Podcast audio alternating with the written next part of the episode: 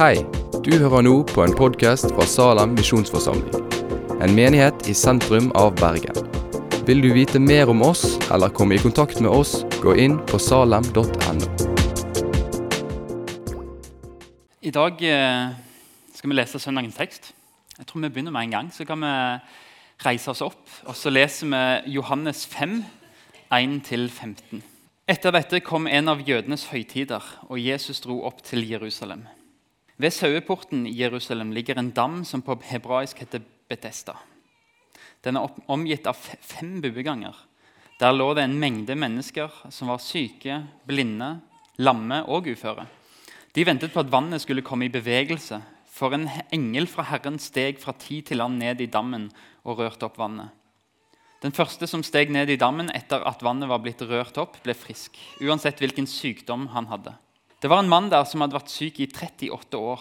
Jesus så ham ligge der og vis, visste at han hadde vært syk lenge, og sa til ham, 'Vil du bli frisk?' Den syke svarte, 'Herre, jeg har ingen som kan få meg ned i dammen når vannet blir rørt opp.' 'Og når jeg kommer fram, går alltid en annen uti før meg.' Da sier Jesus til ham, 'Stå opp, ta båren din og gå.' Straks ble mannen frisk, og han tok båren sin og gikk. Men det var sabbat denne dagen, og jødene sa til ham som var blitt helbredet, 'Det er sabbat. Du har ikke lov til å bære båren.' Han svarte, 'Han som gjorde meg frisk, sa, ta båren din og gå.' Hvem er det mennesket som sa at du skulle ta den og gå? spurte de. Han som var blitt frisk, visste ikke hvem det var, for Jesus hadde trukket seg unna. Det var så mye folk der. Senere fant Jesus mannen på tempelplassen og sa til ham, 'Nå har du blitt frisk.' Synd ikke mer, for at ikke noe verre skal hende deg. Mannen gikk der og fortalte jødene at det var Jesus som hadde gjort han frisk. Skal vi be. Herre Far, takk for ditt ord. Og ditt ord er sannhet. Vi ber om at du kan hellige oss i sannheten. La dette få være ord til tro og ord til liv, ord til å leve på og ord til å dø på, Herre Far. Amen. Da skal dere få se dere. Vi kan si litt, Siden vi har dåp i dag, så er det jo faktisk sånn i gammel kunst, i veldig gammel kunst så eh, I kristendommen så skulle de male dåp. Så var det veldig ofte at de faktisk malte en person som kom opp fra vannet med ei båre på ryggen. Han trengte ikke båre lenger. Og sånn sett er det Noen som mener at dette, denne teksten her kan være et bilde på dåp, der vi blir helbreda for synd. Um, og Kanskje kan det stemme, men i dag er det noen litt andre ting som jeg har lyst til å se på. Det er jo et veldig fint bilde på dåp, der vi, vi, kommer med alt vi bærer på. Og så vasker, blir vi vaska reine, begrava med Kristus. Alt som vi har gjort, det blir begrava. Så får vi stå opp igjen til et nytt liv. Og så maler de en mann som kommer opp fra vannet med båra si på ryggen. Han trenger ikke båra lenger. Men det er to ting vi skal se på i dag. Det første er dammen, som det står om. Altså bare dammen. Og så mannen. Det er de to tingene. Og til slutt skal vi høre et vitnesbyrd om at Jesus ikke har slutta å gå rundt og røre ved mennesker. Men Betestadammen først. Moderne tenking er skeptisk. Eh, det, det ligger ganske djupt i naturen vår. Vi ønsker bevis for ting vi tror på. Eh, på slutten av 1800-tallet ble den moderne tankegangen med at det skulle være empirisk og du skulle ha bevis, det ble prega av teologien. Og På slutten av 1800-tallet og begynnelsen av 1900-tallet så begynte noen kristne teologer som var skeptiske og prega moderne tankegang, begynte å lese Bibelen på en litt sånn annen måte. De begynte å lese etter jakten på legender og jakten til å se hva det som ikke stemmer her. Det, det, alt kan ikke være sant, fordi Folk blir ikke helbreda. Og Så begynte de å lese Bibelen for å finne ut sånne feil. De ville vise at Bibelen ikke var sann, men at den egentlig var en fortelling som viste oss hvordan vi skulle leve. Det var en moralfortelling. Det var ikke historisk sant. Og De kom selvfølgelig fort til Johannes 5, den teksten her. Fordi det er noen vers her som ikke gir mening for oss. Om en engel som kommer og rører opp vannet sånn at førstemann her i vannet blir frisk. For oss jeg tror det er viktig å understreke at det, er forskjellige tanker om dette. I vår bibel som vi leser nå, så står vers 3 og vers 4 det står om at en engel kom og rørte opp vannet, og at førstemann nedi ble frisk. den, akkurat de halvannet versene der de er ikke i de eldste håndskriftene. Det vil si at det er et kanskje noen hundre år senere tillegg. Noen bibeloversettelser har valgt å ikke ta det med, fordi vi finner det ikke i de eldste håndskriftene. Og I norske bibelen så er de sånn stjerner foran og stjerner bak. så ser du at Når du leser nær i margen, så står det at disse hører ikke til de første håndskriftene. Men det er en forklaring som er lagt til for å vise vers 7, der det står at den mannen lengter etter å komme ut i sjø, inn i den dammen sånn at han kan bli frisk. Og så er det en liten forklaring for hvorfor er det han tenker det. Så det er en sannsynlig beskrivelse av hva de trodde. Så det kan jo være greit å vite. Men, men disse moderne teologene de begynte jo her og så sa de dette kan ikke være sant. Eh, det største beviset de hadde, det var arkeologien. Denne dammen, En dam med fem søyleganger med saueporten, den fins ikke. Hele Jerusalem er gravd opp. Vi har aldri funnet noe sånt. Det vil si, vi kan ikke stole på historiteten i Bibelen. Dette er ikke et øyenvitne som har skrevet. Dette er en som har skrevet noe som ikke var der, som ikke vet hvordan Jerusalem så ut på den tida. Den er ikke skrevet sant, den er skrevet for å vise oss en eller annen moral. At vi skal være gode mot de syke. Men eh, dypest sett så, så de at dette her viser jo egentlig at det er masse feil i Bibelen. Og at det ikke er øyenvitner som skrev, det er bare dikta opp for å gi oss vise at vi må ta vare på de syke. Men i 1888 så skulle de pusse opp ei bysantinsk kirke i Jerusalem. Eh, Sant Anna tror jeg han heter. faktisk. Den ligger veldig nært til det som kalles saueporten. Og Så begynte de å skrape på veggen. Og når de skrapte på veggen, så fant de en fresko, eller et maleri, et gammelt maleri. Og Der var det bilde av et basseng. Og ved kanten så sto det en engel og gjorde en sånn bevegelse som å røre opp vannet. Og ved kanten, andre kanten av bassenget så lå det masse syke mennesker som det så ut som de prøvde å komme seg ned i bassenget. Og Plutselig så kom arkeologer og så sa de her er det noe som spennende. Fordi Det som skjedde med kirker før, det var at de ble bygd over plasser som står om i Bibelen. Hvis du har vært i Israel i dag, så ser du at her helbreda Jesus en sånn. Ja, de bygger ei kirke. Her ble Jesus søtt. Bam, kirke. Her gjorde Jesus sånn. kirke. De har bygd kirker overalt der Jesus har gjort noe. Og Så kom de til denne gamle kirka og så ser de, oi, kanskje er denne kirka bygd over Betestadammen. Så de begynte å grave, og hva fant de? De fant en dam med fem bueganger. Sannsynligvis ble dette bassenget, eller denne dammen ødelagt i år 70 når eh, Jerusalem ble lagt i grus. Men det betyr jo egentlig at den som skrev Johannes evangeliet, han visste om dette bassenget før det ble ødelagt. Før det ble glemt av historien, så visste forfatteren om dette. Denne personen visste det. Han har levd så tett på Jesu tid at han visste det. Han var et øyenvitne. Det betyr jo egentlig motsatt av det de moderne teologene fant ut. at Du kan stole på Bibelen. Du kan faktisk tro at det er øyenvitner som har skrevet det. For uten at historien Eller du, du kan rett og slett tro at dette skjedde. Og uten at historien hadde vært sann, så kunne vi forstått moralen. Gå og hjelp syke og fattige. Det skal vi òg gjøre. Men hvis, hvis, dette bare er en fabel, så blir det bare religion. Det blir bare moralisme. Hvis historien ikke hadde vært sann, så, så kunne det vært en godt forbilde for oss, men ikke noe mer. Men denne arkeologiske oppdagelsen og mange andre oppdagelser, både kilder og arkeologi i det hele tatt, viser at Jesus har levd. Historiene er sanne. Vi kan stole på Bibelen. Og Det betyr ikke bare at vi skal gå rundt og hjelpe fattige. Det betyr at Jesus kom til jord for å frelse. Sånn som evangeliene sier. Vi kan ta det for sannhet. Vi kan stole på nåden. fordi Vi blir ikke frelst fordi vi har et moralsk forbilde, men vi har en som faktisk kom til jord. En som levde et liv som var godt og hellig. En som levde det livet vi skulle levd. En som døde den døden vi skulle dø.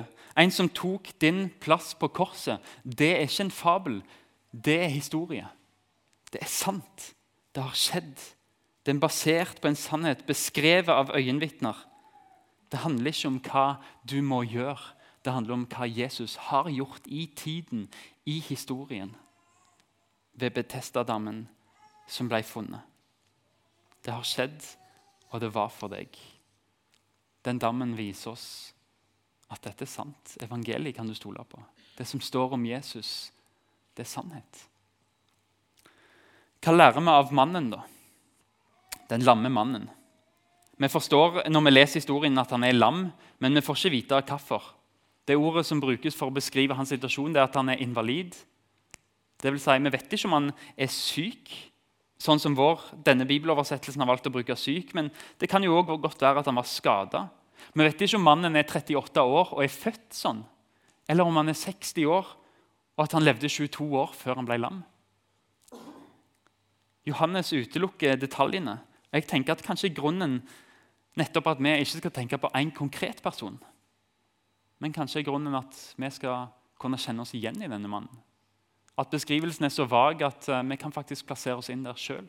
En invitasjon fra Johannes til å si dette er deg. Jesus møter deg. Jesus så han ligge der og visste at han hadde vært syk lenge. Det er noe utrolig fint med det. Jesus visste om mannen. Selv om de ikke kjente hverandre. Johannes, han som skrev dette, gikk med Jesus i tre år. Og Han visste, han skriver det i kapittel 2 i sitt evangelium. Han visste at Jesus ikke trengte at noen skulle vitne om mennesket. For han visste sjøl hva som bodde i mennesket. Jesus visste. Og det gjelder òg for deg. Han vet dine tanker. Han vet din skade eller din sykdom. Om den er sosial, om den er åndelig, om den er fysisk eller psykisk. Han vet. Han vet om deg. Men han trenger seg ikke på. Han spør vil du bli frisk? Han har respekt for at du er et menneske, et individ. Og så kommer han ikke å trenge seg på, men han spør vil du at jeg skal hjelpe deg. Han vil ikke tvangsbehandle noen. Og så har jeg lyst til å si noe som kanskje, kanskje er det totalt fremmed for mange av dere, men for meg har det blitt nært de siste ukene. For jeg tror det er noe i at Jesus spør det er verdens mest selvsagte spørsmål. Vil du bli frisk? For oss så er det så selvsagt. Jeg har vært syk i 38 år. Selvfølgelig vil jeg bli frisk. Men jeg har nettopp erfart i min omgangskrets ei jente som helt sikkert ville bli frisk, men hun hadde ikke håp nok til dette livet. Hun hadde ikke krefter nok til dette livet.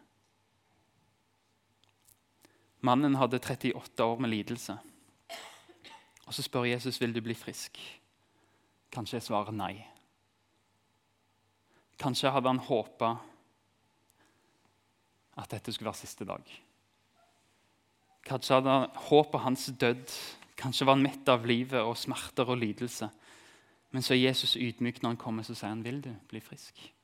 Han trenger seg ikke på. Han anerkjenner at dette kan være vanskelig. I det spørsmålet så ligger en anerkjennelse av et liv som kan være så vondt at du har fått nok. Og du skal vite at Jesus går akkurat til denne mannen. Mannens svar er 'Jeg har ingen til å hjelpe meg'.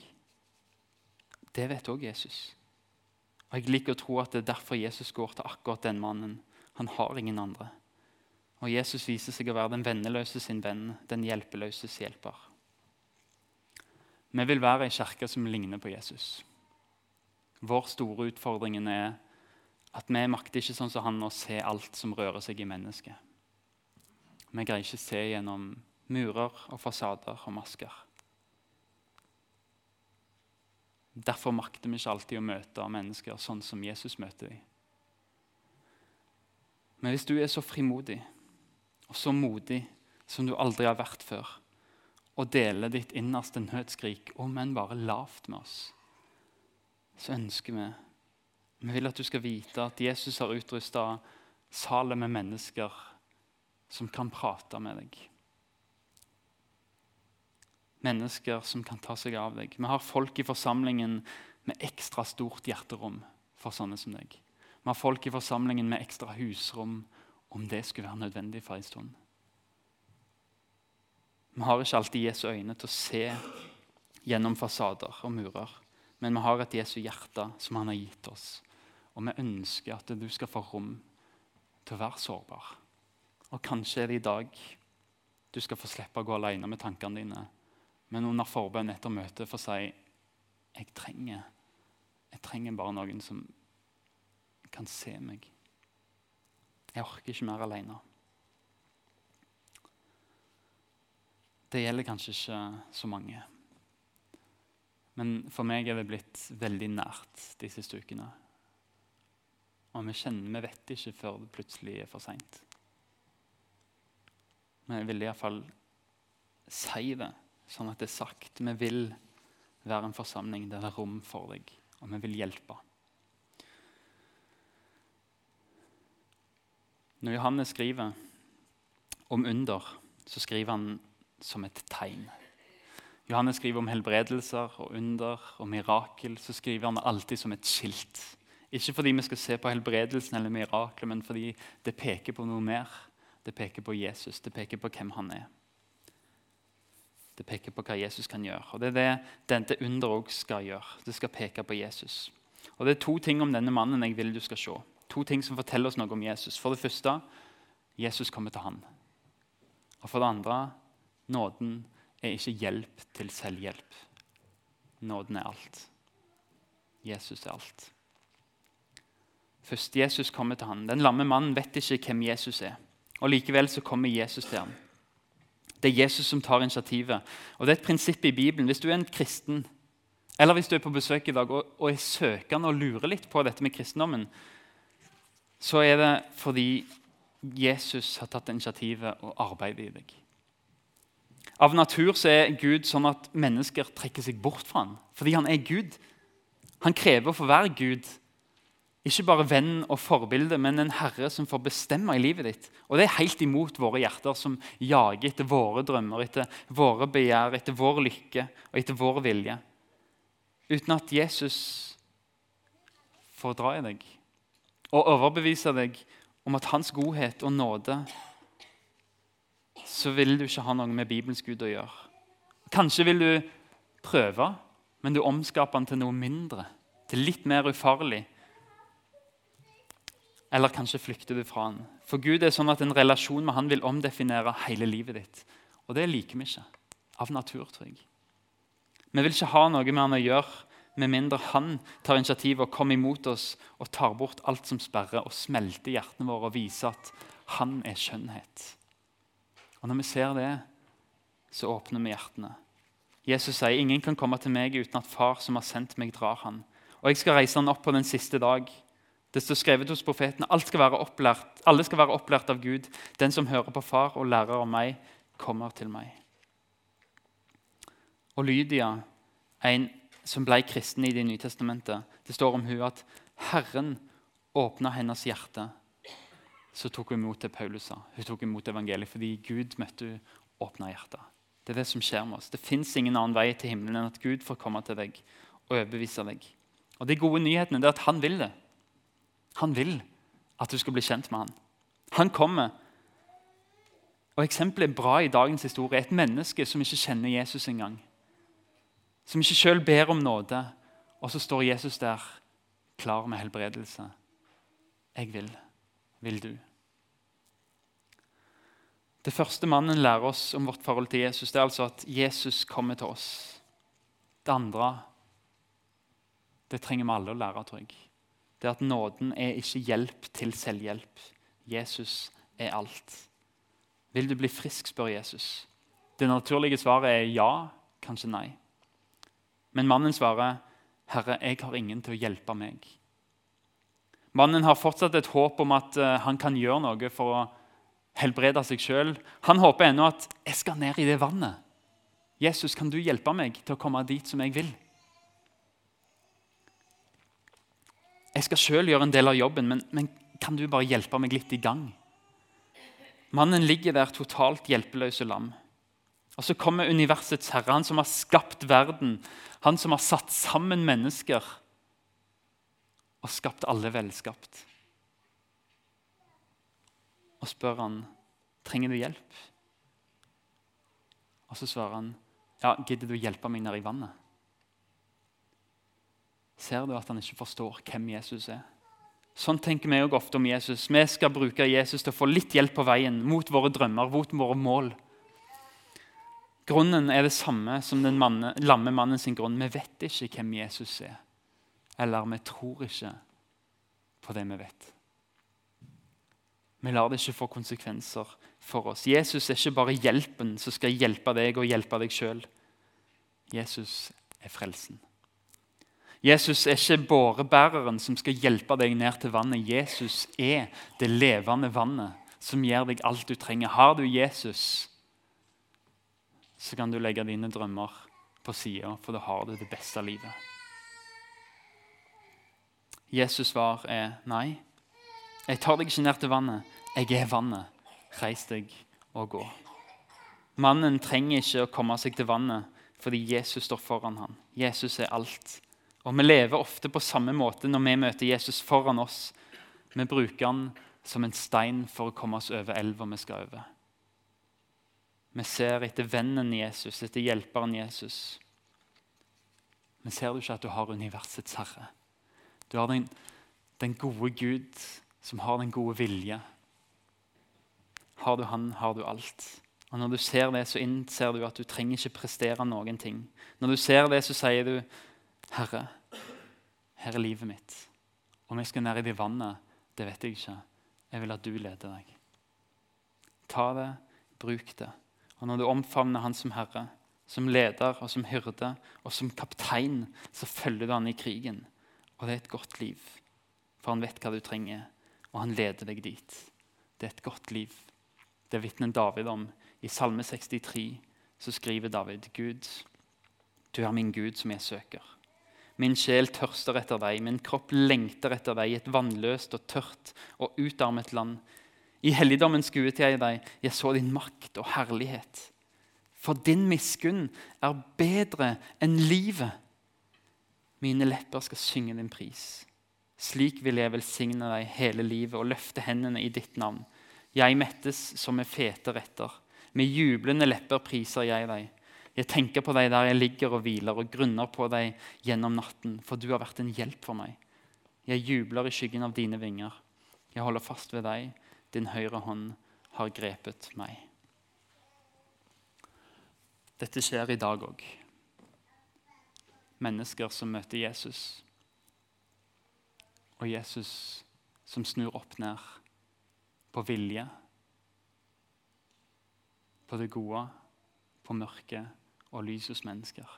Jeg vil at du skal møte Wilhelm. Vil du komme opp, Wilhelm? Så skal vi få høre litt om hvordan Jesus helbreder i dag. Ikke nødvendigvis bare fysisk helbredelse, men åndelig. Da tar vi denne her, nummer én. Den skal du få. Wilhelm, vi har kjent hverandre nå er det begynt å bli en liten stund, i noen måneder. Um, men kan ikke du fortelle litt før vi ble kjent? Uh, ikke det at du kjenner meg, har så mye å si, men, men, før jeg traff deg, hvordan var livet ditt? Nei, det var egentlig Jeg levde egentlig bare i Litt nærmere. Jeg levde egentlig bare i, i mørket. Sånn sett jeg var aleine og hadde egentlig ingen som var rundt meg. Selv om familien var der, så var jeg aleine. Mm. Og hvordan eh, eh, Du snakka litt om, om, mørke og opplevelser og, og, litt sånne ting. Og at, at før, før det skjedde noe i livet ditt, så har du veldig ofte beskrevet mørket og sagt at det var mørke. Eh, kan du kjenne deg litt igjen i han som lå der og var syk og ikke hadde noen til å hjelpe og ikke visste sine arme råd? Ja, jeg eh, fikk jo da medisiner for å klare å fungere i hverdagen. Men mm. det gjorde jo ikke meg noe frisk. eller Jeg kunne fortsatt ikke gjøre noe. Det eneste det gjorde, var at jeg bare eksisterte, men jeg var, var egentlig ikke til stede selv om jeg var der. Mm. Og sånn har det egentlig vært i, siden jeg var liten. Men så kom Jesus til deg òg. Hva skjedde? Nei, det, var, det, første som skjedde, var at jeg tok kontakt med deg. Og var på møte her med deg. Egentlig, jeg sto egentlig med veiskillet da om Jeg orket egentlig ikke da egentlig mer, for jeg så ingen utvei. Så da på en merkelig måte da, så sto jeg og snakket med en venninne av meg som var kristen, og jeg begynte å stille henne spørsmål om, om Gud, og egentlig hvorfor jeg hadde gått gjennom det som jeg hadde gjort, hvis han var så god. da. Og da begynte hun å forklare litt hvordan det fungerte. og mellom jeg da snakket med hun, så sendte jeg da e-post til deg. Så jeg da registrerte etter jeg var ferdig å snakke med hun. Og så fikk du vært noen møter i Salem. Men, men hva Hva bestemte du deg for da, når, når du ble, på en måte fikk møte Bibelen og evangeliet? Hva, altså, ja, hva bestemte du deg for i møte med Jesus? Det første som skjedde, det var, for, det var det første møtet jeg var med på her. Det, første, det første jeg lå merke til, var det at da natten til søndagen så klarte jeg faktisk å sove. Og når jeg da våknet opp igjen, så merket jeg at det var noe som hadde begynt å skje da. For jeg var mer våken og smilte egentlig mye mer da. Og hva, hvis du tenker liksom at du beskriver mørket før, og så møtte du Jesus, men hvordan vil du beskrive livet ditt nå? Egentlig mye bedre, da. Jeg er medisinsk fri. Jeg klarer å være rundt folk generelt som jeg ikke klarte før. Jeg klarer å egentlig være mer i imøtekommende til nye mennesker som kanskje ikke har det så bra òg. og ikke være sånn som jeg var før og egentlig dømte folk ut i koden. jeg så de da. Og nå, Det er en historie som jeg vil du skal dele spesielt. og det er at Du har hatt eh, skrive- og lesevansker hele livet. Ja. Eh, men her er det jo veldig mye lite skrift og veldig mange vanskelige ord. Hvordan får du til å lese Bibelen? Eh, det var jo egentlig noe som egentlig skremte meg litt når jeg leste da. Fordi at eh, når jeg leser Bibelen, så har ikke jeg lesevanskene. Jeg klarer egentlig å lese hvert eh, ord. Så jeg lå egentlig fram Bibelen, tok opp en vanlig bok og begynner å lese. Det går, jeg, hvis jeg er heldig, så klarer jeg å lese én side. Og så begynner lesevanskene og bokstavene flytter seg. Så jeg tok frem i en bibel og leste en del sider i den. Og fant ut at det bare lå fram med begge bøkene, for det var ganske skremmende å egentlig høre sin egen stemme uten å ha de feilene. Og Nå er Wilhelm den som sender meg flest bibelvers av alle. Hver eneste dag får jeg bibelvers omtrent av Wilhelm til oppmuntring. Um, og Hvordan har det vært for deg å komme til et kristent fellesskap, til Salem, fra, eh, fra et annet miljø før og inn i Salem nå? Det å føle seg eh, ønsket og egentlig sett da, og tatt imot, uansett hva slags feil og mangler du har. Noe som ikke jeg har hatt tidligere. Da føler at du hører til en plass. Så det er egentlig det som har overrasket mest. da. Det å prate med Wilhelm det eh, gir stor frimodighet til meg. Det, det gir meg tro, for jeg ser hva Jesus gjør hos mennesker. Eh, du har fått deg smågruppe i eh, Salomon, og du er med hver mandag på å gå ut og går ut til, eh, til Strakshuset Ja. eh, og deler egentlig Jeg opplever sånn, det er veldig mange som, som spør deg om troa di. Ja, eh, grunnen det at jeg har da i tillegg bodd et år på gaten. Så jeg eh, bodde på Blå Kors på Kalfaret for egentlig å ha en seng og få et måltid. Så mange av de som er med Strakshuset, kjenner jeg derfra. da.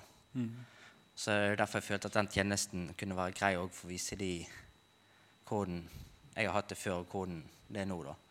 Så første gangen så var det mange som kjente meg igjen, men de turde ikke helt å gå bort. da og så si noe eller spørre hvorfor jeg var der. da. Og det begynte jeg å merke da etter andre gangen at når jeg da var i byen og traff andre venner, så tok, kom de bort og tok kontakt. da. Og da klarte jeg liksom ikke å si nei, jeg har ikke tid. Jeg sa heller ha det til de andre vennene, og så satte meg ned med de istedenfor og snakket med de og forklarte egentlig bare hvordan, hva Jesus har gjort for meg. Fantastisk. Og hver uke så snakker Wilhelm i Salomon. Hver uke så har han en ny person som han har fått dele evangeliet med. Eh, og Det er helt fantastisk Wilhelm, å få høre den forandringen som Jesus har gjort hos deg. Og vi er så glad for at du er en del av oss i fellesskapet her. Og han blir med oss eh, på Camp Salem fordi du er en del av fellesskapet i mars. Og så har du fått plass på bibelskole til høsten. Ja. Utrolig bra. Eh, og Wilhelm har snakka med masse folk i Salomon etter at han delte vitensbyrdet sitt der, og fått peke på Jesus for mange som har fått sitt liksom, ja, jeg har glemt alt det Jesus kan gjøre. Så min oppfordring er prat gjerne med han. Hør gjerne mer av vitensbyrdet hans, så lenge ikke, ikke sliter han helt ut.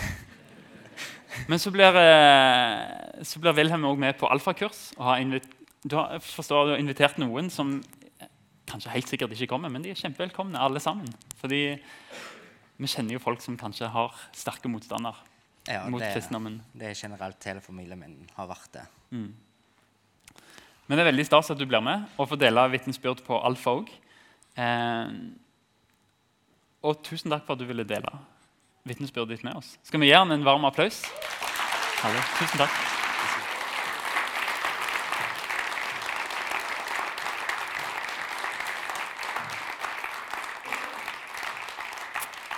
Det er så stas å få prate med Wilhelm og få erfare at Jesus går rundt i dag og rører med mennesker.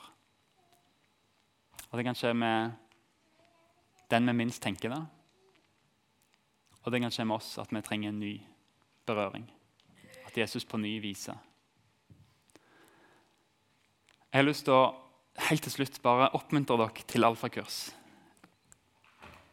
Wilhelm blir med, og vi håper at han skal få lære mer om den kristne tro. Og kanskje at han får med seg noen. Vi har gruppeledere som er klare. Eh, og vi tror at det vitnesbyrdet som han har, sammen med alt andre vi har planlagt, er kjempemulighet til å invitere ikke-kristne. Vi begynner nå på onsdag klokka 19 i kafeen. Det er aldri for seint å invitere noen. Og Den beste måten å invitere dem på å si at jeg skal på kurs, har du lyst til å være med?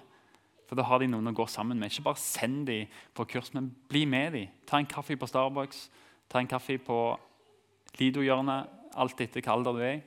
Eh, og så bli med i salen på alfakurs. Det er åpent for absolutt alle, og det er rom for alle. Alle skal få komme til orde med de tankene de har, uten å bli møtt med noen som helst argumenter. Skal vi be helt til slutt. her før. takk for at du er en Gud som ser. Takk for at du er en Gud som kommer oss i møte. Takk for at du er en Gud som skaper forandring. Og takk for en Gud som er absolutt alt vi trenger. Hvis vi har deg, så kan vi få leve og se opp til deg, stråle av glede og aldri rødme av skam, Herre. Amen. Takk for at du har hørt på podkasten fra Salem, Bergen. I Salem vil vi vokse i et stadig dypere fellesskap med Gud og med hverandre. Vi vil være Jesu hender og føtter, og vi vil være med å forkynne frelse for Bergen og resten av verden. Besøk oss gjerne på salem.no om du vil vite mer.